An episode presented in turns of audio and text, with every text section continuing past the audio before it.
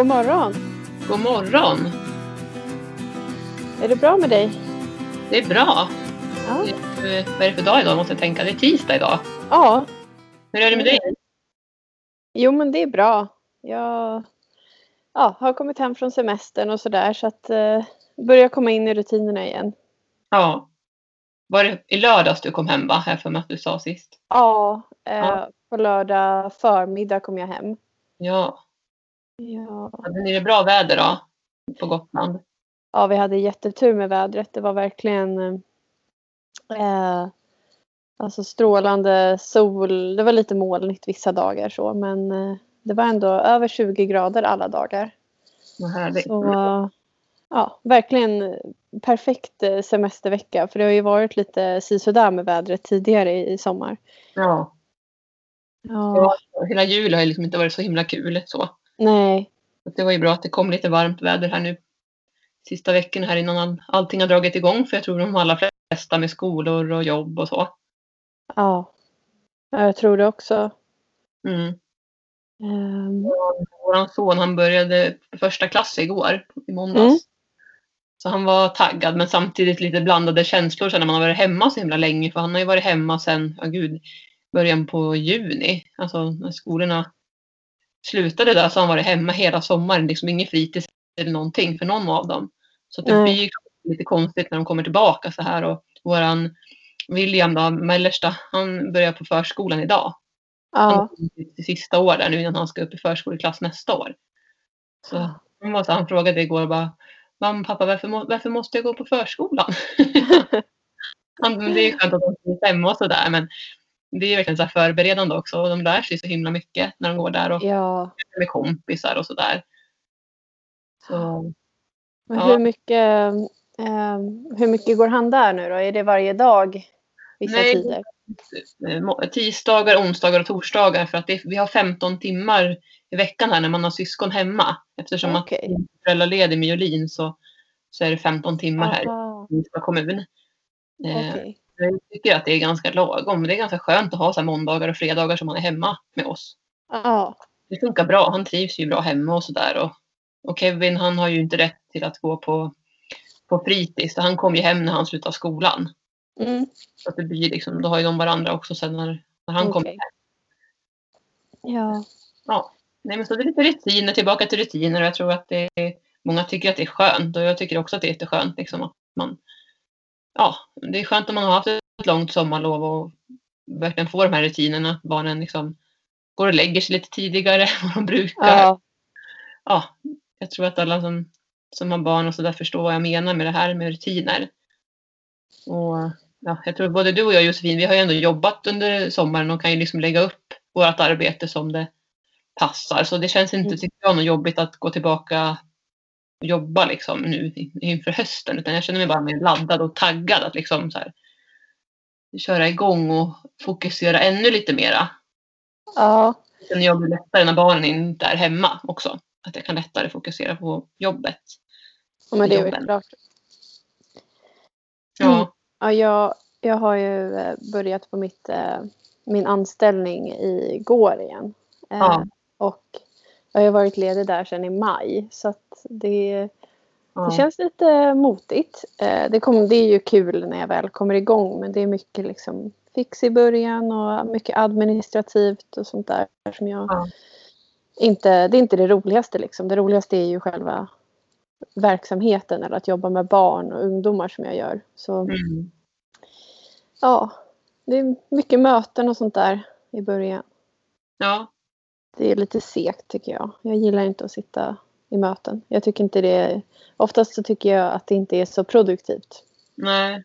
Eh, det är så, jag vet inte, jag har, jag har bara jobbat på några olika arbetsplatser eh, i mitt yrkesliv men jag, min upplevelse är att det ofta kan bli väldigt man har mycket mötestid liksom och så sitter man Ja. väldigt länge och alltså man hade kunnat komprimera det där. Som, Mm. som egen företagare och speciellt när man har hästar så blir man ju väldigt tidseffektiv.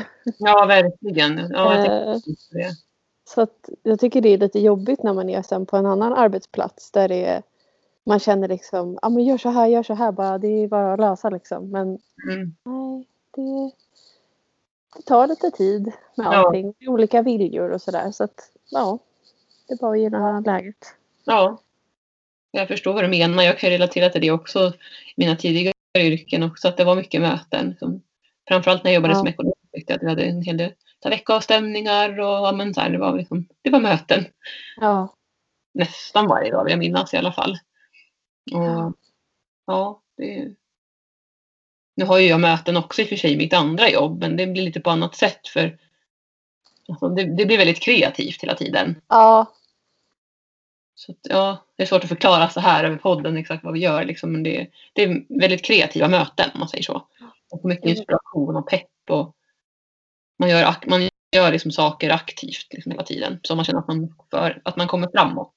ja, Vad du menar liksom, om man hamnar i ett möte där det inte händer så mycket. Man ska bara diskutera om och fatta beslut och så vidare kanske. Eller, ja, precis. ja, Det är sånt som behövs men eh, ja, som i, igår då hade vi ett möte och då var det liksom ja, vi hade väl tre timmar mötestid och så på en timme hade vi kommit fram till att okej, alla de aktiviteterna vi skulle planera kommer vi inte kunna genomföra i höst för att det kommer vara mer än 50 personer som dras Mm. till aktiviteterna och det är eh, restriktioner eh, genom corona nu så vi får flytta allt till våren och sen var det liksom bara jaha, ja, Ja, då eh, kan vi inte planera mer om det här nu. nej.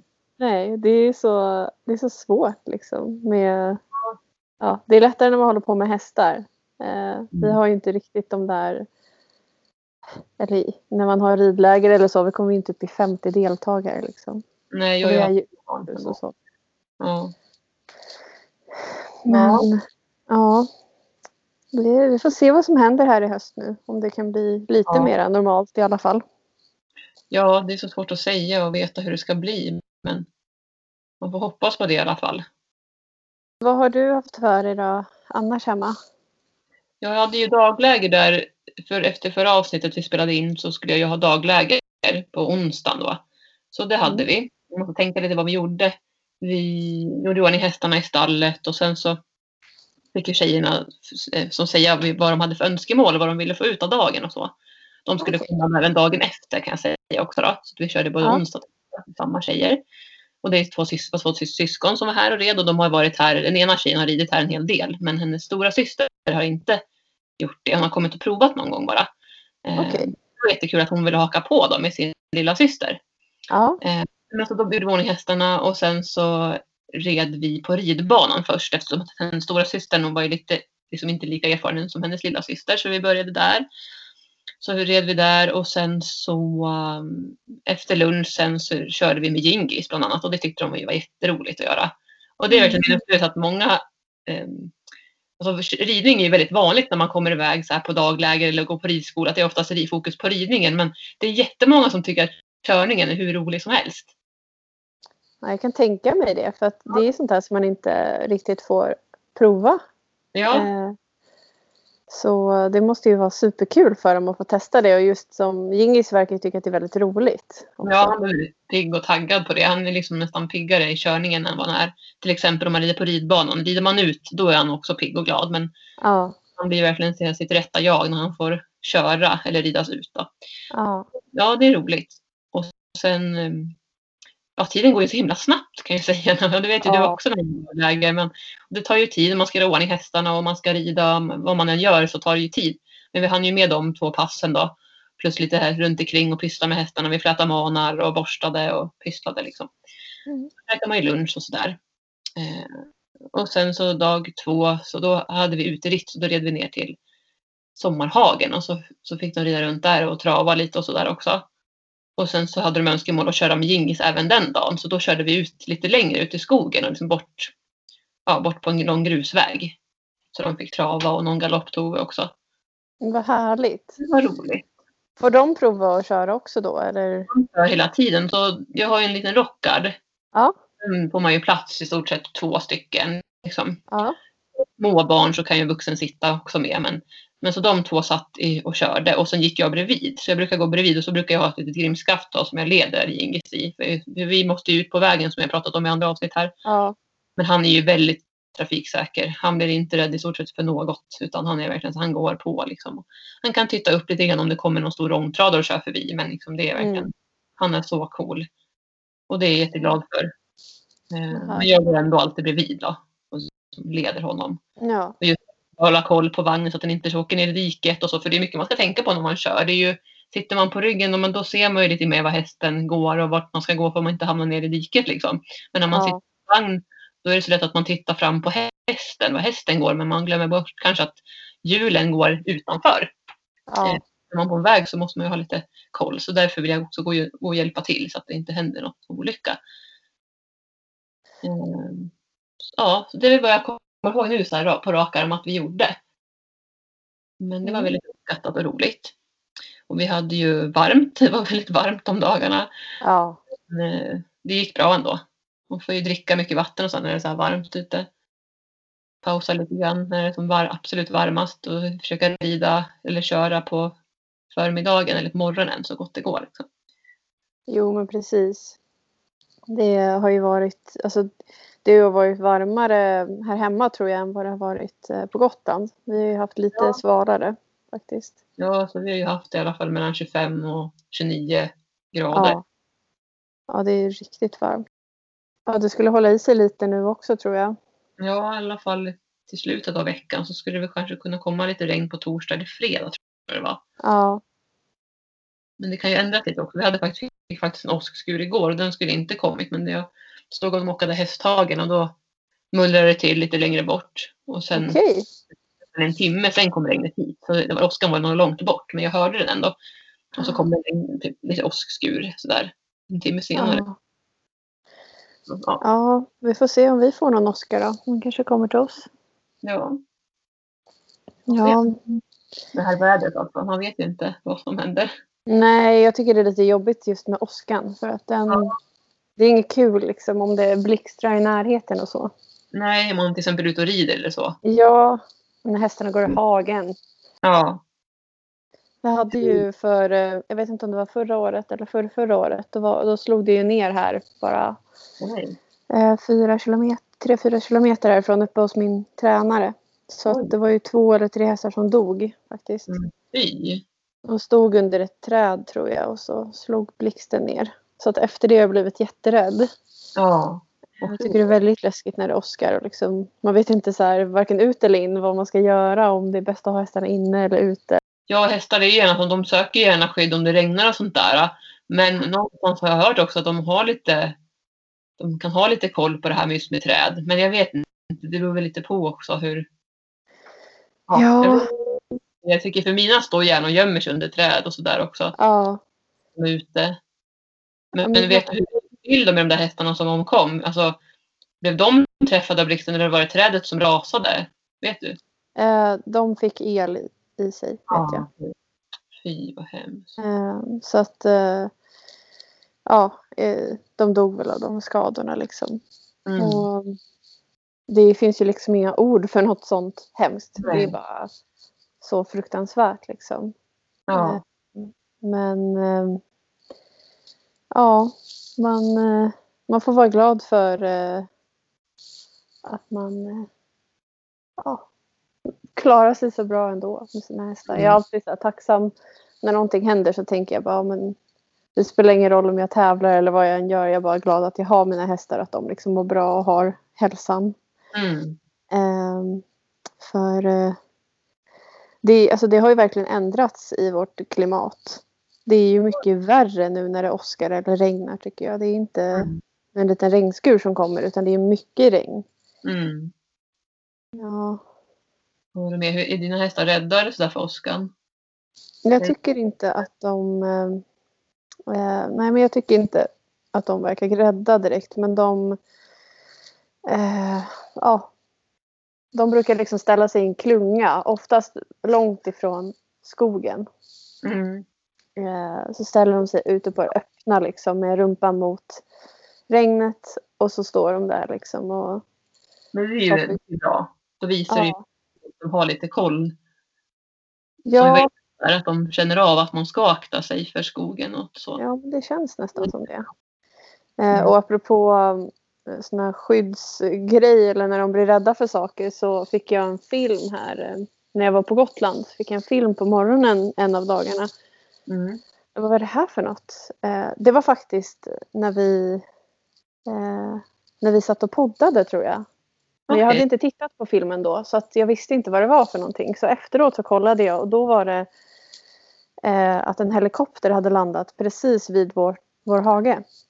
Just det, jag såg det att du hade lagt upp det. Ja. Ja. Eh, Så hästarna var ju ute liksom och så kommer en helikopter och alla som har hört en helikopter flyga eller om man har märkt när den har landat så vet man att det låter något kopiöst mycket. Det blir liksom lufttryck och sådär. Ja. Eh, Så att den hade landat på, på åkern precis vid eh, höhäckarna. Så Okej. Hästarna, ja, vi har ju tänkt förut liksom vad skulle vi göra om, om helikoptern kommer och man inte hinner ta in hästarna. De kommer liksom springa ut ur hagen och så för att det, det låter så mycket och hästar blir oftast väldigt rädda för det. Mm. Eh, men de var så himla duktiga. De hade liksom flyttat sig bort från helikoptern då och eh, ställde sig och tittade en bit bort och var ändå lite nyfikna på vad det var för något som lät och så. Mm. Eh, så att de sprang lite grann men eh, alltså, ja, jag blev så stolt att de kunde behålla lugnet och ändå inte få panik och liksom sticka, sticka ut ur hagen. Mm. Ja, det var Eh, bra gjort av dem. Ja, och då kände jag, gud vad skönt, då vet jag att de har provat det där så behöver jag inte vara lika ängslig för vad som skulle hända om det händer igen. För det har faktiskt eh, hänt vid något annat tillfälle när hästarna har varit inne. Ja. Eh, så då visste jag inte hur de skulle reagera om de var i hagen. Men eh, nu var, vi vet inte riktigt vem det är som har åkt helikopter. Men det är någon av grannarna, Okej. tror vi.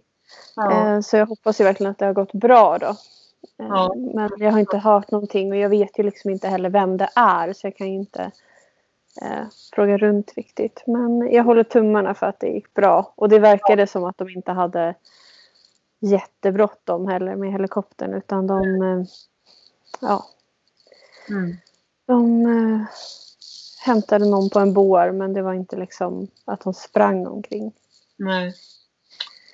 Ja, att det är bra då. Jag hoppas det. Den personen. Och skönt att det gick bra med hästarna. De Ja, verkligen. de Det- klarar Det är såna mardröm man har. Från när jag gick på ridskola kommer jag ihåg att det var en annan grupp som var med om att en helikopter landade när de hade lektion. Och alla Jaha. hästarna fick panik och liksom slängde av ryttare hit och dit. Och, ja, Mm. och så här. Helikoptergången kallar de det för. Alla skulle få rida igen för den lektionen eftersom att det inte blev så bra. Mm. Men jag tror inte att det var någon som skadade sig särskilt mycket i alla fall. Nej, vilken tur. Men det är det som jag vet. Alltså hur de reagerar på, på ljudet där. Och, Nej, det handlar mycket om att leda hästen. De som är liksom högst i rang. Att det är de som måste behålla lugnet lite för att smitta av sig på de andra. Ja. Jo men så är det ju. Och de, eh, de är ju flockdjur. Ja. Eh, Så de gör ju som resten av flocken gör. Ja, precis. Mm. Ja. Nej, man kan inte undvika allt. Nej men så är det ju. Man kan inte förbereda sig på allting och liksom det, saker händer ju. Ja. Gör ju det. Jag kan berätta att jag har varit och ridit på, eller varit, jag har ridit på Alborota i stort sett nästan varje dag sedan jag började rida honom. Han har fått ha lite vilodagar förstås, men Ja. vi har ju som tagit det ganska så lugnt också på rid, ridpassen. Ja. Eh, jag tänker, den gången jag red först där efter vi poddade, det var ju samma dag på onsdagen. Ja. Då red jag efter daglägret på Ja. ridbanan och så. Eh, och han har börjat testa lite mera.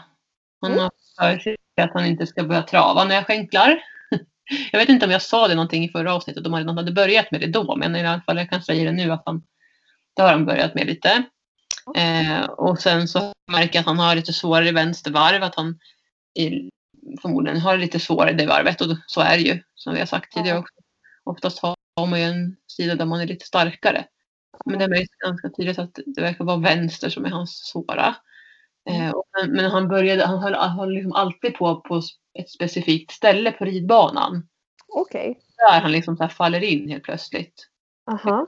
När jag tänker efter så kanske jag sa det i förra avsnittet också. Men jag tänker att det kan ju självklart ha med mig att göra också min sitt. Men jag tycker verkligen att jag tänker verkligen till och liksom sträcker på mig, försöker sitta så rakt och bra jag kan utan att liksom försöka göra någon konstigheter.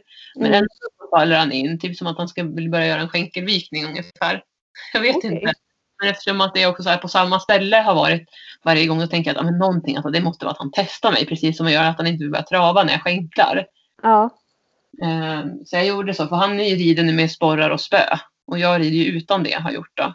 Ja. tänkte, det här funkar ju liksom inte. Jag måste, jag får, jag får börja rida med ett spö. Så jag har, har haft ett dressyrspö lite längre. Och Ja. då är han ju mycket, mycket bättre. Okej.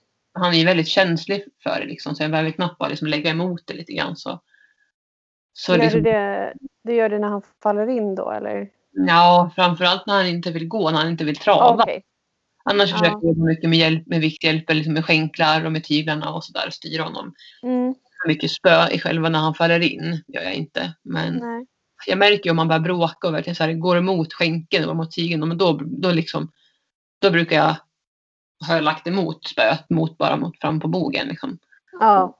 Att han ska känna att det är stopp. Liksom så, vara tydlig. Men det är ganska uppenbart att han testar. Så Ja. det är inte ja. bara fem. Så att det är ju det är inget konstigt. Jag menar, alla hästar kan ju testa oavsett ålder. Ja, det är klart. Det märker jag att det gör ju Herman och Gingis också när det är nya elever och sådär. Eh, och sen så ska jag tänka, sen så red jag även då lite på torsdagen där på dagläget för tjejerna ville se när jag red på honom. Så då red jag också. Mm. Och det var lite samma grej där. Men det viktigaste är ju att man inte ger sig. Det är det jag tycker jag vill förmedla. Att man inte ger upp. Nej, precis. Ja, envis där. Men samtidigt också inte gå för fort fram. Och inte, alltså vad ska jag säga. Till exempel när han faller in i vänster varv med bogen sådär i trav. Då är det ju Mm. bättre, att sakta ner att man tar det i skritt. Så han får Ja. först. Så att man inte nöter på liksom då i, i traven. Nej. Bara blir det bara en dragkamp. Utan så har jag tänkt att jag, då, liksom, då går vi tillbaka ett steg och så kör vi därifrån. Ja. Och med det sen så, så blir det lättare att det blir rätt och att man kan berömma hästen och att det blir en positiv upplevelse. ja, det är ju säkert klokt tänker jag. Och backa Ja. tillbaka lite. Liksom. Det är ju lättare att skritta än att trava eller galoppera. Ja. Precis. Och så när vi har galopperat så har vi gjort det på långsidan. Och så Ja. sakta av liksom har vi gjort lite. Sen har vi galopperat runt också. Men jag känner att han är liksom så här, nej men nu är han inte riktigt medgörlig. Då, då försöker jag vara lite smart, lite steget före. Och då gör jag ju liksom lätt för oss istället för att krångla till det liksom. Ja. Jag vet inte, det, det var säkert samma tänk jag tänka mig va? Ja, jag tycker att det är bra att man eh, ibland backar tillbaka om man behöver göra det. Ja. Eh, jag har ju en, en av mina yngre hästar som kan vara lite trotsig när man ska galoppera och inte tycker inte om när man lägger på skänken. Eh, det är lite tvärt emot Alboroto där. Alltså mina hästar är väldigt känsliga oftast. Eh, De flesta av dem. Ja. Eh, och tycker inte, alltså de vill gärna att man gör galoppfattningar utan skänklar och så utan att man bara sätter sig till rätta och så fattar Ja. man galopp. Men eh, om man sen ska komma vidare i dressyren så måste man ju kunna inverka med skänklarna också. Annars så blir det ju väldigt svårt att alltså, Ja. göra sidförande och sånt där. Mm. Så att vi håller på att träna just nu på att göra galoppfattningar med skänklarna ordentligt också och nästan överdriva att jag använder skänken mycket, liksom verkligen lägger på den. Inte hårt men att den ligger där. Ja. Eh, och då kan hästen bli väldigt irriterad och eh, väldigt trotsig. Eh, Mm. jag vet inte hur Alboroto testar men den här hästen blir liksom, kan sparka med ena benet mot skänken eller eh, liksom flyga iväg i sidled istället. Jag rider ju ute på ett fält mycket och då har man Ja. inga väggar. Eh, då är det ju så lätt för hästen att bara liksom flyga iväg i sidled istället för att gå på en volt till exempel. Så Mm. att de har ju så lätt för att hitta på saker och komma undan med. Mm. Jo, jag märkte Men- det för Alborota också. Jag skulle fatta galopp, göra en galoppfattning och då hade jag spöet. Men jag hade det bara i handen så jag använde det inte. Nej. Då blev han att han inte sparkade till men han gjorde något slags ryck. Jag vet inte exakt vad han gjorde. Det gick Ja. väldigt snabbt. Man markerade liksom. Ehm, så han är ju väldigt känslig men jag tror att det här med att han inte ville gå fram skänken i trav, det var mest bara att te- testa. Vart går gränsen liksom, för Ja. Marie? Men eh, Jo, ja, och sen är det plötsligt så här, samma, vid samma ridpass, då kan han ta trav direkt. Liksom, du vet, man Ja. har någonting. Så det är väldigt så här. Men det är lite typiskt ung häst skulle jag säga. Han är liksom, ja.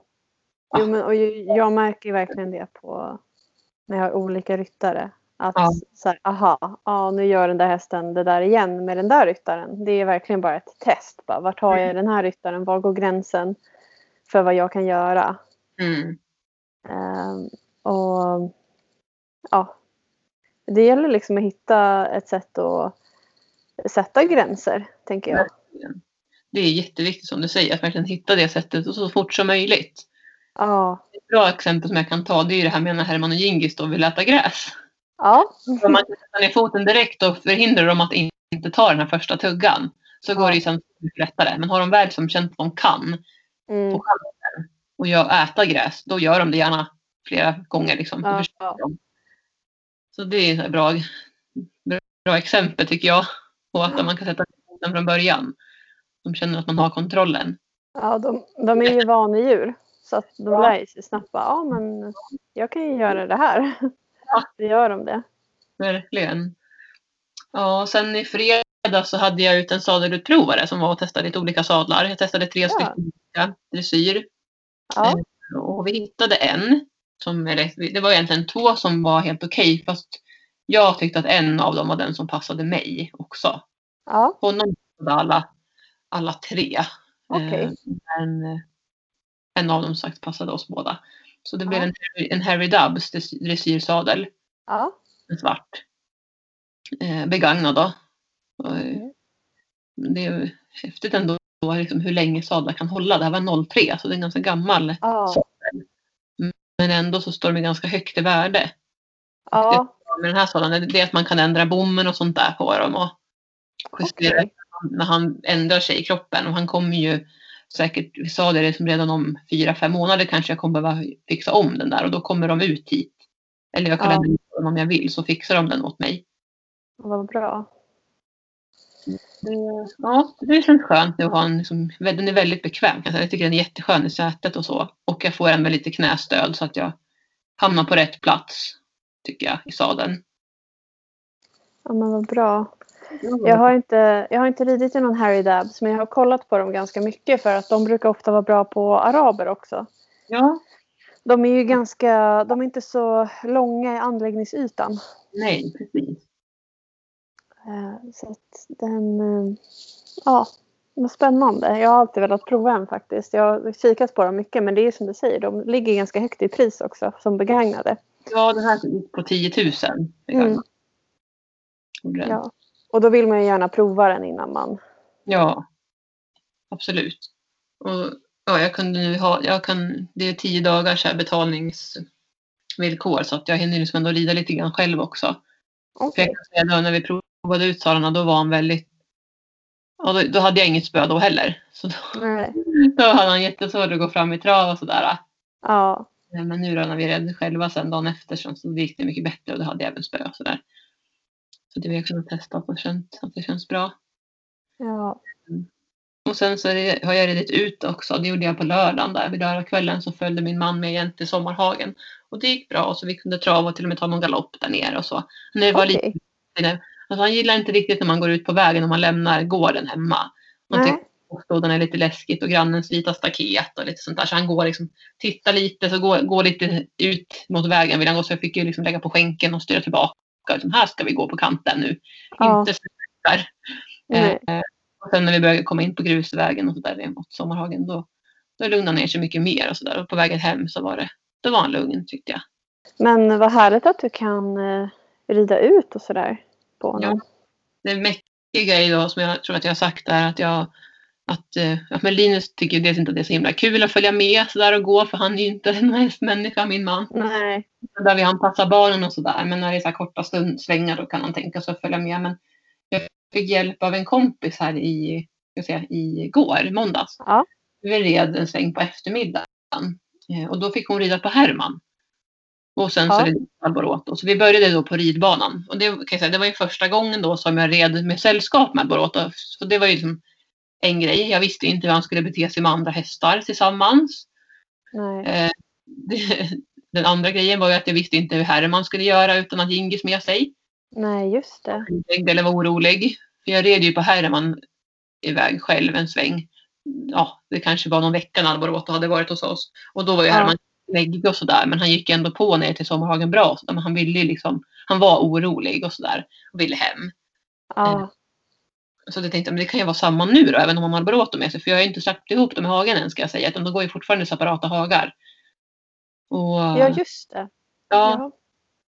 Så att, eh, ja, det var liksom det som skulle vara lite spännande att se. Men det gick ju väldigt bra. Det här Ja. man en gång på ridbanan och sen när vi red ner till Sommarhagen då också efteråt när vi kände att Nej, men det här går ju riktigt bra.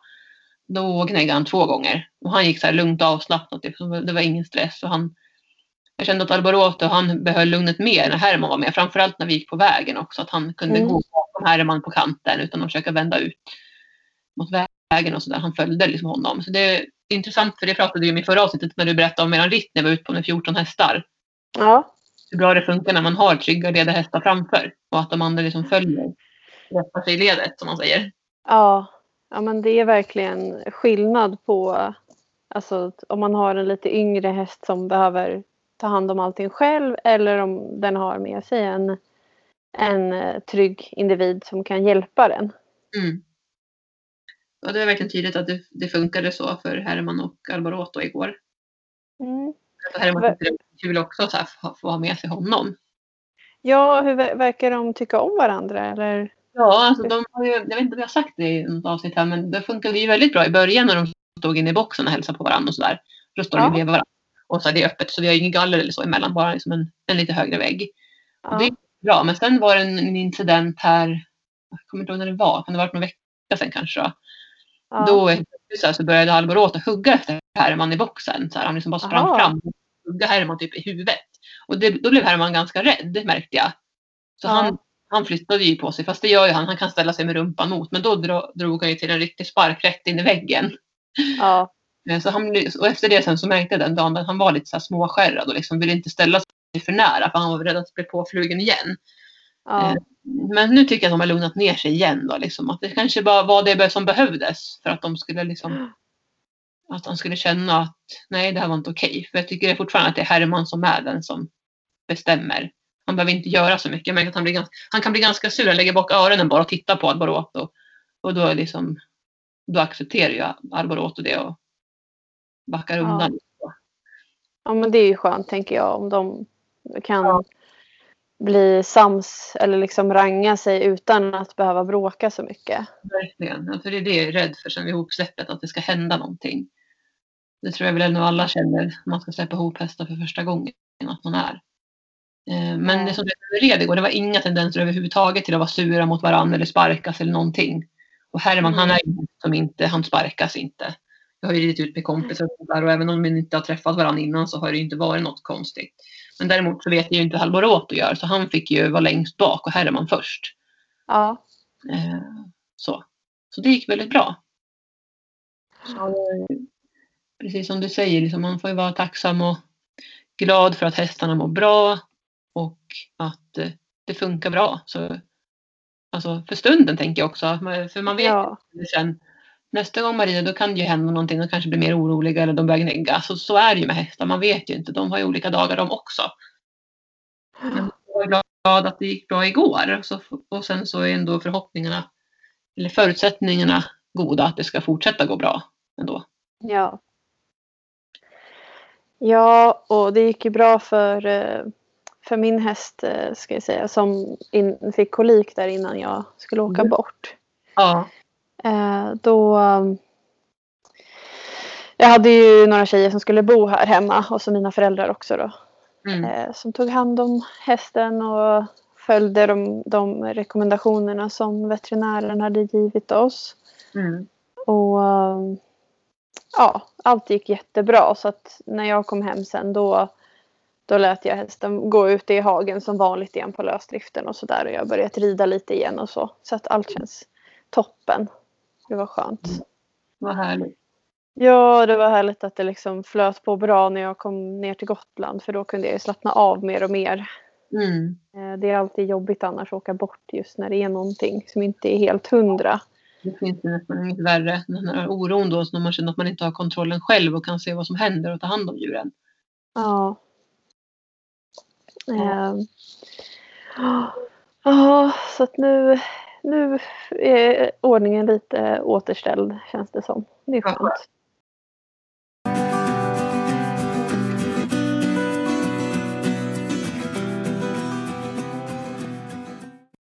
Annars här nu då den här veckan, det är tisdag idag. Den här veckan så har jag faktiskt inte bokat in jättemycket ännu. Jag har någon, någon enstaka lektion som jag ska ha. Mm. Eh, och sen så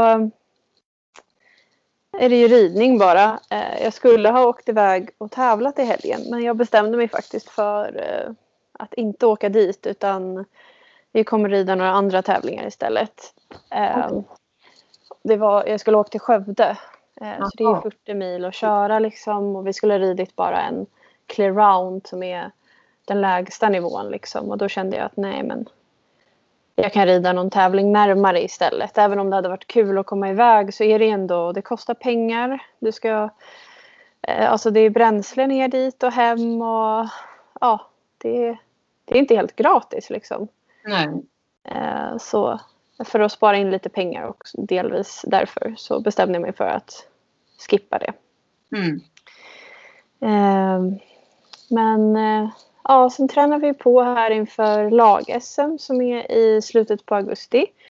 Och eh, vi körde ett eh, galopppass här i söndags. Som var, det var mitt första, första pass efter semestern. Ja. Hur, Eh, hur mycket galopp blev det då? då? Det blev ungefär en timme. Mm. Eh, för det hände en liten incident faktiskt som var lite obehaglig. Ehm. Jag, eh, ja, när vi hade galopperat ungefär en timme så, så det är liksom lite backigt och det kan vara ojämnt på vissa platser men eh, det, generellt så är underlaget väldigt bra där. Mm. Eh, Men då låg vi och rullade i galopp och så var det en nedförsbacke som inte var så brant men ändå den, den är ganska lång. Ja.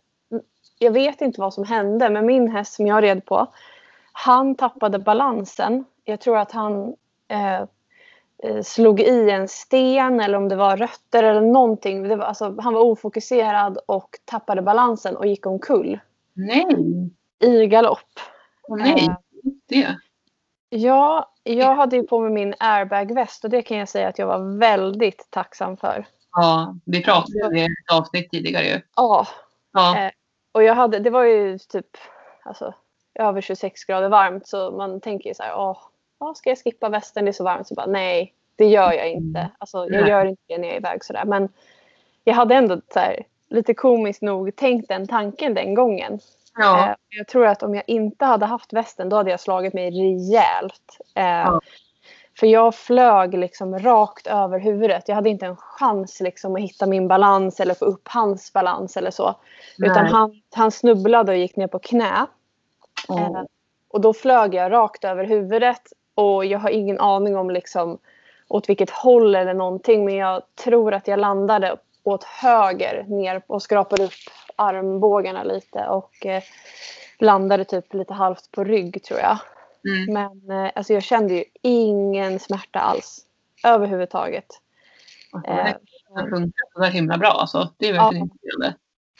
Och en av ryttarna jag red med hon sa det bara men shit vad snabbt den blåser upp sig. Ja. Ja. Alltså det tar bara en millisekund liksom. Sen är den uppblåst och då när man landar så är allting lugnt. Wow, vad coolt. Eh, men ja, så jag slog inte ut i huvudet eller så heller för att eftersom västen blåser upp i nacken och överallt så är det ju västen som tar emot fallet. Mm. Det är det Eh, En Michelin-gubbe då. Hur ska man förklara det? Det blåser upp, liksom. Ja, nej men det blir ju som en Michelin-gubbe liksom. Eh, Ja. Man blir ju otroligt mycket större. Ja. För västen vecklar ju ut sig. Alltså, vi snackar ju 20 centimeter minst som den blåser upp sig. Ja. Eh, så um, ja, jag reste mig upp ganska snabbt och hästen, jag tappade ju tyglarna liksom. Så att han fortsatte trava efter sin kompis som galopperade. Eh, så att, ja, men sen stannade han. För hästen då? Ja, han hade, Han eh, hade skrapat upp lite på ena knät och lite på ut, alltså bara ett, typ ett litet rivsår på utsidan på ena benet. Ja. Och sen så hade han skrapat upp eh, som en halvmåne över ena ögat och lite på mulen. Så att han blödde ju. Han, var, han är ju naturligtvis vit också. så att Ja. eh, det såg ju liksom eh, Ja. eh, värre än vad det var. Men han, eh, nej, han verkade helt oskadd och vi liksom gick tillbaka till, eh, jag avbröt ju träningen med honom då. Så Ja. för att vara på säkerhetssidan. Så gick vi tillbaka och så kollade jag hans rörelse. Han såg jättefin ut och eh, jag pulsade honom också. Då hade han liksom 40 i puls så att han verkade inte vara berörd av det alls. Nej, han har fortsatt se väldigt fin ut nu. Han får på sig flughuva så att inte flugorna ska vara och äta i det här lilla såret över ögat. Just det. Eh, och det har faktiskt funkat jättebra. Mm, vad bra. Eh, för det var väl det som jag oroade mig för eftersom det är värsta, värsta tänkbara tiden för sår nu. Ja, infektioner och sånt där. verkligen. Men eh, peppar peppar, ingen svullnad i knät där han skrapade upp sig heller. Så vi verkar ha haft supertur. Eh, och det var verkligen bara eh, som jag sa till min kompis. Hon bara, ja men hur ska man tänka liksom? Tänk om han gör så där igen. Jag bara, ja men alltså. Det, jag har gått omkull med andra hästar förut också. Och det, det händer inte så ofta men det kan hända. Ja. Och alltså, det är liksom ingenting som man kan räkna med. Eh, och jag kan säga, han var inte, han kändes superfin, han var inte liksom trött eller någonting. Det var inte därför han ramlade utan det var verkligen att någon, alltså otur. Han Ja. trampade snett eller någonting hände. Ja. Och det kan ju bli så för oss också. Alltså, ja. Herman gick ner på knä en gång. Jag tror vi var på ridbanan. Då gick han ner på Ja. knä. Och jag satt på. Men han, han ramlade ju inte helt så. Utan, Nej. så det gick ju bra. Men det var också så här. Han snubblade till bara helt plötsligt. Han var som du sa lite ofokuserad. Jag kan berätta en grej som hände med Alvarota här också för kanske någon vecka sedan. Ja. Vi hade dagläger och så kom vi, ja, tar vi in hästarna i boxarna och sådär. Och så började han klia sig. Eller vi stod och borstade Herman och Gingis då för vi skulle rida på dem. Så står Ja. Alvarota i en box och kliar sig. Och helt plötsligt så behöver man bardunk. Då ramlar han i, rätt ner in i boxen. Nej men. Hängde sig emot där, den här men, pelaren. Ja. Och kliade sig mot den. Så han bara, liksom, benen vek sig väl bara för honom. Stackars men, så här typiskt unghäst, inte, han har inte koll på kroppen liksom och nej. fladdrar och har sig. Åh. Han bara la sig där. Så jag kan säga nu när han kliar sig så är han lite mer försiktig. Ja, jo. De, eh, Det gick bra ska jag säga. Det var inga konstigt. Han fick också ett litet, litet skrapsår bak på ena hasen. ja, Grann. Ja. det var bara allt. Det var bara lite så här av pälsen som hade försvunnit. Det var ingen blod eller så. Nej. Mm. Nej, men det är ju så. Alltså, vissa hästar är ju mer benägna att göra sådana där saker också. Ja. Eh, Det är, speciellt om de är yngre eller liksom ofokuserade och så. Ja, han har långa ben. Han är ganska liksom, han är, vad ska man säga, han är ganska smal i kroppen om man jämför mot Hermon och Jingi som är så här lite grova, bastanta killar. Jag har Mm. illa någon gång. Mm.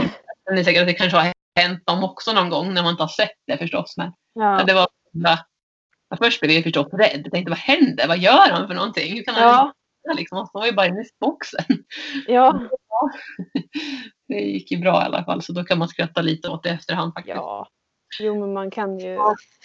liksom i... Alltså, jag blev ju inte rädd när jag åkte av men jag har tänkt flera gånger på det. Bara, tänk, alltså, jag, det var ändå ganska hög fart. Och vi galopperar ju i samlad galopp så här, men det går ju ändå typ i 20 kilometer i timmen. Ja. Och man flyger av i farten och just när man flyger över huvudet så kanske man har ännu högre hastighet när man landar. Och, Man får ju en rejäl skjuts när man flyger av. Liksom. Det blir ju ja. kraften. och jag tänkte liksom, ja, men tänk, jag kunde ju liksom ha brutit någonting eller så. Då Ja. hade jag inte deltagit på min tävling som jag ska åka på i augusti heller. Nej. Så um, nej, man ska verkligen vara noga med. eh, man vet aldrig. Alltså, du kan sitta på världens snällaste häst. Det gjorde jag. Ja. Eh, men ibland är det andra saker som gör att man åker av.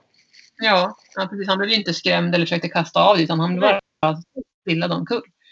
Ja. Det kan hända vilken häst som helst. Så ja, en väst ja. Ja. Ja, ju... Som det är också så här, man tänker, men gud nu ska jag sätta på mig den här varma västen igen och jag är så himla ovan. Jag har ju inte ridit så mycket i väst på senare år. Nej. är man faktiskt peppa peppa. Jag har känt mig väldigt trygg med honom. Men det är som du säger, det, allt kan hända. Men jag har verkligen tänkt att det var jobbigt att sätta på mig den här varma västen nu när det är så 25 grader. Liksom. Men Ja. då liksom bara och bita i det sura äpplet och tänka att men det är faktiskt ett skydd. Det är en säkerhet. Ja, det var man verkligen. Jag ska hoppa lite idag. Då kommer jag också på min väst. Och eh, på imorgon så ska jag och Emma iväg på pay and jump med tre hästar. Mm. Och då sa hon faktiskt då efter jag berättat att jag hade åkt av eh, och gått omkull så sa hon bara men kan jag få låna en väst till här, ja. Ja. Alltså man blir på något sätt mer påmind när någon annan har ramlat Mm. av eller att något har hänt. Då blir man mer påmind om att Mm. eh, nu får vi faktiskt vara lite försiktiga. Ja, och apropå det här med säkerhet. Jag har ju alltid till exempel ridhjälm nu när jag hanterar framförallt Alboreto. Eller om jag ska hantera dem alla tre samtidigt. Ja, Så har jag hjälmen på mig så här. När jag står och borstar, när jag håller på med, med hag, om jag går in till med hagen, jag tar på mig hjälmen. För man vet inte.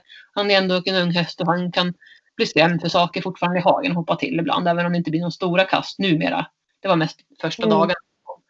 Men man vet aldrig. Och när jag Nej. leder, jag har hjälmen. Eh, och ska vi träna på ridbanan från marken så har jag också västen på mig. Om jag skulle råka bli sparkad eller puttad. Alltså, Mm. Så jag, ja, jag försöker verkligen tänka på säkerheten. Och jag har även stålhätteskor när jag leder honom. För att jag vill inte bli trampad på mina nej. heller. Eh, ja, Ja, nej man, ja, det är som, som sagt, man kan ha världens snällaste hästar och jag har, eh, ja, som sagt, väldigt, väldigt sällan är, det- händer det att jag ramlar av. mm, Eh, Det här var första gången på typ två år, tror jag. mm, Eh, Och innan dess minns jag inte, inte ens när jag ramlade av senast. Så Nej. det händer inte ofta. Och då rider jag ändå ganska mycket unghästar och sådär också. Eller hästar som rids in igen eller så. Men eh, om det händer så vill jag gärna att jag inte ska skada mig. precis. Olyckan kan vara framme. Jag vet inte om jag Ja. har sagt det någon gång, men jag har ju aldrig ramlat av Herman på de här 19 åren. Aldrig. Nej. Av andra hästar. Våran unghäst, våran andra hafflinger som vi hade. Han Ja. av en gång när vi, under själva ridutbildningen. Han började bocka och höll på i all världens fart. Ja. Men, men, men liksom jag känner nu, det är verkligen nu är det ung häst jag hanterar och han kan få för sig. Han är väldigt annorlunda Herman, även om de på ett sätt är lite lika också så att de är liksom lugna och nyfikna och trygga i temperamentet. Men han är mer, alltså Alborot är mer lättskrämd för saker. Det har jag märkt Ja. med honom, att han kan hoppa till för saker och så. Så det är viktigt. Och jag kan säga också att alla som kommer hit och rider, det, det minsta är att man ska ha hjälm hela tiden. Så fort vi hanterar hästarna så är det hjälm i stallet. Mm. Inte bara i ridningen utan hela tiden i hanteringen också. Och de flesta har ridväst. Och de har även den på sig hela tiden. Ja. Det kan kännas jobbigt och varmt så här på somrarna när vi har kört dagläger och så. Men säkerheten går först. Och jag säger, vi tar, därav så har vi gjort så att vi har tagit paus. När vi Mm. har sadlar eller när vi utfodrar hästarna i hagen och sånt där. Eller själva går och äter lunch eller fikar. Då tar vi av så att man får lufta sig lite. Liksom. Ja. Ja, man kan inte vara försiktig. Nej, och man, eh, man dör ju inte av att bli lite varm. Nej, precis. Man kan bada efteråt. Ja.